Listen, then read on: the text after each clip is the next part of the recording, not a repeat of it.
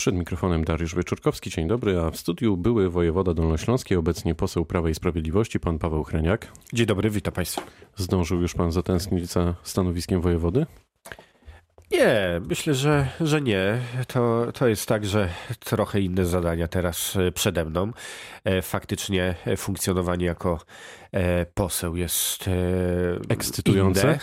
Jest ekscytujące, jest takim nowym doświadczeniem, które również uczy, jak funkcjonuje serce krajowej polityki, demokracji.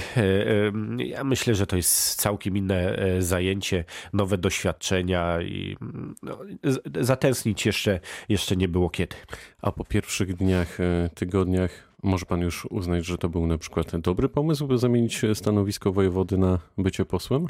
Ja myślę, że to był dobry pomysł. To jest tak, że e, zmiana na e, stanowisku, jakie to stanowisko by nie było, musi być od czasu do czasu. To jest tak, że powiew e, świeżości, ale też e, kwestie związane z mm, tym, żeby no, e, poszukiwać nowych ścieżek. To jest myślę, że zawsze dobry pomysł dla każdego polityka. A w jakich komisjach pan zasiada?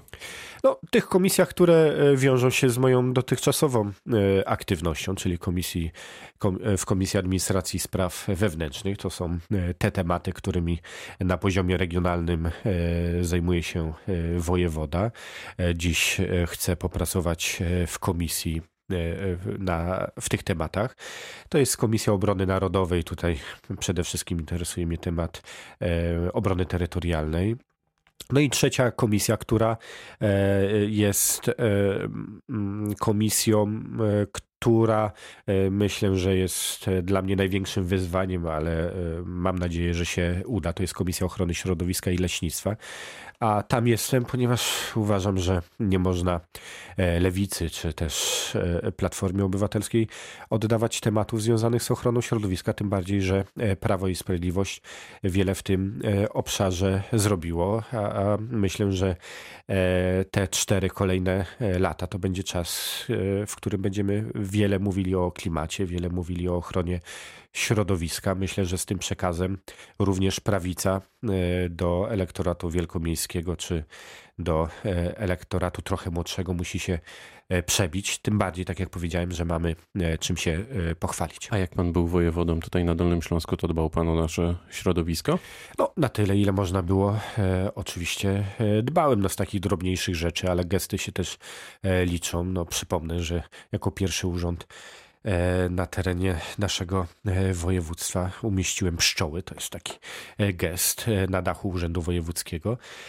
Za tym gestem poszły działania innych instytucji, ale też no, w tym wymiarze takim bardziej poważnym wydaje się, że też udało się pewne rzeczy e, zrealizować. E, przede wszystkim e, koordynacja działań związanych z nielegalnymi składowiskami odpadów. To są, to jest ostatni rok, półtora roku mojego funkcjonowania na stanowisku Urzędu Wojewody, gdzie w mojej ocenie naprawdę udało się wiele zrobić. Ta koordynacja służb, które, którym podlegają te kwestie była naprawdę na bardzo wysokim poziomie. No i wierzę, że nadal tak będzie.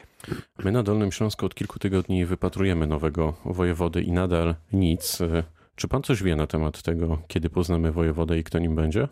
No ja myślę, że na początku przyszłego tygodnia ta decyzja ostatecznie już zapadnie. To jest tak, że nie tylko na Dolnym Śląsku jeszcze nie został wyznaczony wojewoda, ale jeszcze w dwóch innych e, województwach. Na Podkarpaciu, gdzie również e, pani wojewoda została posłem i w województwie e, lubuskim. E, u sąsiada również e, jest taka sama e, sytuacja. No, kilka tygodni to nie jest jeszcze jakiś bardzo długi czas. Ja przypomnę, że. A z czego początku... to może wynikać? No, e, to jest decyzja pana e, premiera. E, to jest decyzja, którą podpisuje pan premier po zasięgnięciu opinii ministra spraw wewnętrznych i administracji. Ja nie chciałbym tutaj wchodzić w kompetencje pana premiera. On E, tą decyzję musi e, podjąć i pewnie się pojawi na początku e, przyszłego tygodnia. Ale tak jak mówię, kilka tygodni to nie jest długo. Urząd funkcjonuje, jest wicewojewoda. Taka sytuacja jako okres przejściowy no jakoś nie wpływa na funkcjonowanie administracji w terenie. Czy nowym wojewodą będzie pan Roman Kowalczyk, czy pan Jarosław Obremski? No, o obu osobach mam e, e, dobre e, zdanie. No, to doświadczenie takie mm, związane z administracją jest trochę większe po stronie pana Obremskiego, ale tak jak mówię, no, decyzja zapadnie mm, i to będzie decyzja pana premiera. A zostawił pan dla swojego następcy jakieś niespodzianki, trudne sprawy do rozwiązania?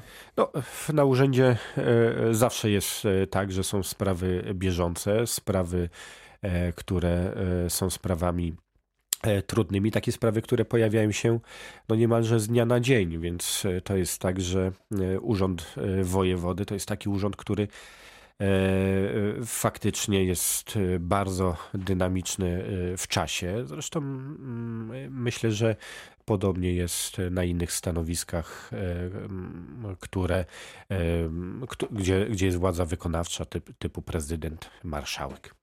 Czy rząd zabiera pieniądze samorządom? Bo samorządy mówią, że rząd zabiera, a rząd mówi, że samorządy mają coraz więcej pieniędzy. No, no, mają coraz więcej pieniędzy. Ja nie rozumiem za bardzo, jeżeli chodzi o, o ten przekaz ze strony samorządów terytorialnych.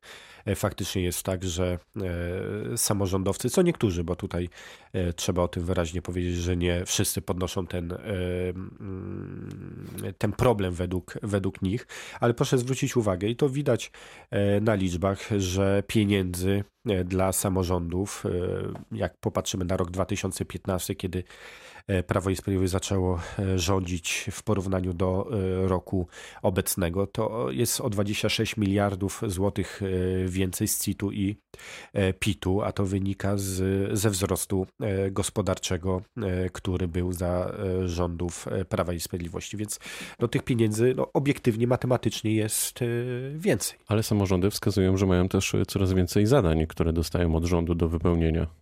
No, to jest tak, że zawsze e, samorząd e, terytorialny realizował e, zadania mm, administracji krajowej. No, pamiętajmy o tym i tutaj będę się mocno wspierał z samorządowcami, że samorząd nie jest jakimś osobnym bytem, to jest część państwa polskiego. Czasem samorządowcy zachowują się tak, jakby byli jakimś osobnym bytem. Absolutnie tak nie jest. Samorząd jest częścią państwa polskiego polskiego. No ja wiem, że robi się e, ze strony samorządów e, zarzut, że będą mieli mniejszy wpływ e, z podatku PIT, no ale a z drugiej strony bardzo często mówią o tym, że należy obniżyć podatki. No Prawo i Sprawiedliwość obniżyło te podatki 26, do 0% dla osób do 26 roku życia i z 18 do 16, jeżeli chodzi o, o PIT. I faktycznie dla budżetu państwa, w tym jest również e, część e, wydzielona dla samorządu terytorialnego, ten dochód z tego tytułu będzie mniejszy. No ale jeżeli e, obniżamy podatki, to nie ma innego wyjścia. No to musimy się zdecydować, czy chcemy ludziom obniżać podatki, czy też, czy też nie. A jednocześnie. A konsultujecie to, to z samorządami? Jest komisja, która działa na szczeblu krajowym. Ona e, funkcjonuje przy Komisji Samorządu Terytorialnego, gdzie te debaty trwają. Ja nie jestem członkiem tej komisji, zresztą wcześniej też nie byłem, ale z tego co słyszałem od kolegów starszych stażem w parlamencie, takie rozmowy są. Ale to jeszcze raz powtórzę, 26 miliardów więcej między 15 a, 16, a 19 rokiem i obniżamy podatki. No, siłą rzeczy e, część e, tych środków, bo te podatki są, jak Państwo, myślę i Pan redaktor e, wie, dzielone proporcjonalnie. Część wpływa do samorządu, część do budżetu e, państwa. No i proporcjonalnie obniżenie podatku o 1% ograniczy e, wpływ do samorządu e, terytorialnego, ale jednocześnie, jeszcze raz podkreślę, z CIT-u i PIT-u globalnie jest więcej. Pan Jacek Sutryk podsumował rok swojej prezydentury we Wrocławiu. Jak się panom współpracowało przez ten czas?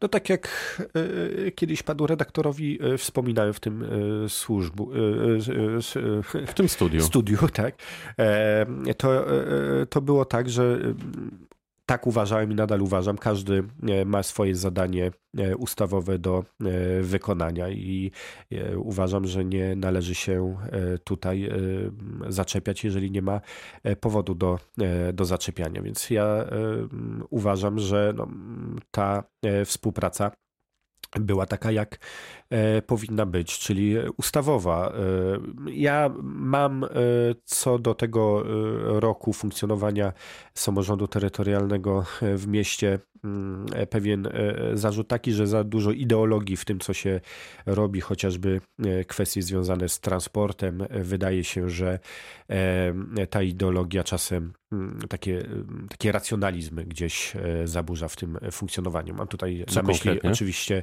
E, buspasy.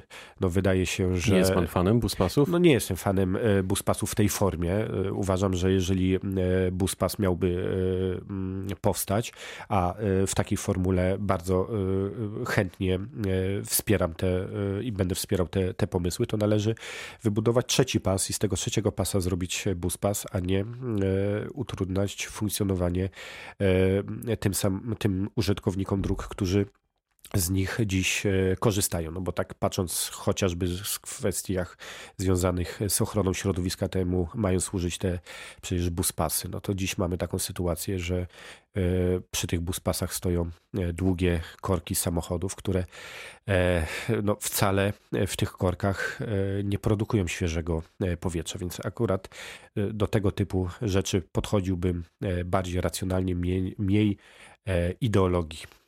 Czy zadrżała panu ręka w trakcie głosowania na sędziów e, Trybunału Konstytucyjnego? E, nie, uważam, że, że ci e, kandydaci, którzy zostali przez klub Prawa i Sprawiedliwości zgłoszeni, będą dobrze w tym miejscu, gdzie zostali desygnowani, funkcjonowali. To jeszcze na koniec pytanie o pana Mariana Banasia. Czy pan Banaś nadal powinien piastować stanowisko szefa Najwyższej Izby Kontroli? No ja tutaj nic odkrywczego nie, nie powiem. Powtórzę, bo te słowa mi się bardzo e, spodobały. Pan prezydent chyba wczoraj e, publicznie mm, e, o tym mówił, że jeżeli potwierdzą się te ustalenia przez Centralne Biuro Antykorupcyjne, które bada e, sprawy, no to pan Banaś nie powinien być e, prezesem Najwyższej Izby Kontroli. Ja z tymi e, słowami pana prezydenta w 100% się zgadzam, no ale poczekajmy, jak, jaki będzie wynik kontroli. Powiedział były wojewoda dolnośląski, obecnie poseł Prawa i Sprawiedliwości, pan Paweł Hreniak. Bardzo dziękuję za spotkanie. Dziękuję bardzo. Pytał Dariusz Wyczorkowski. Dobrego dnia.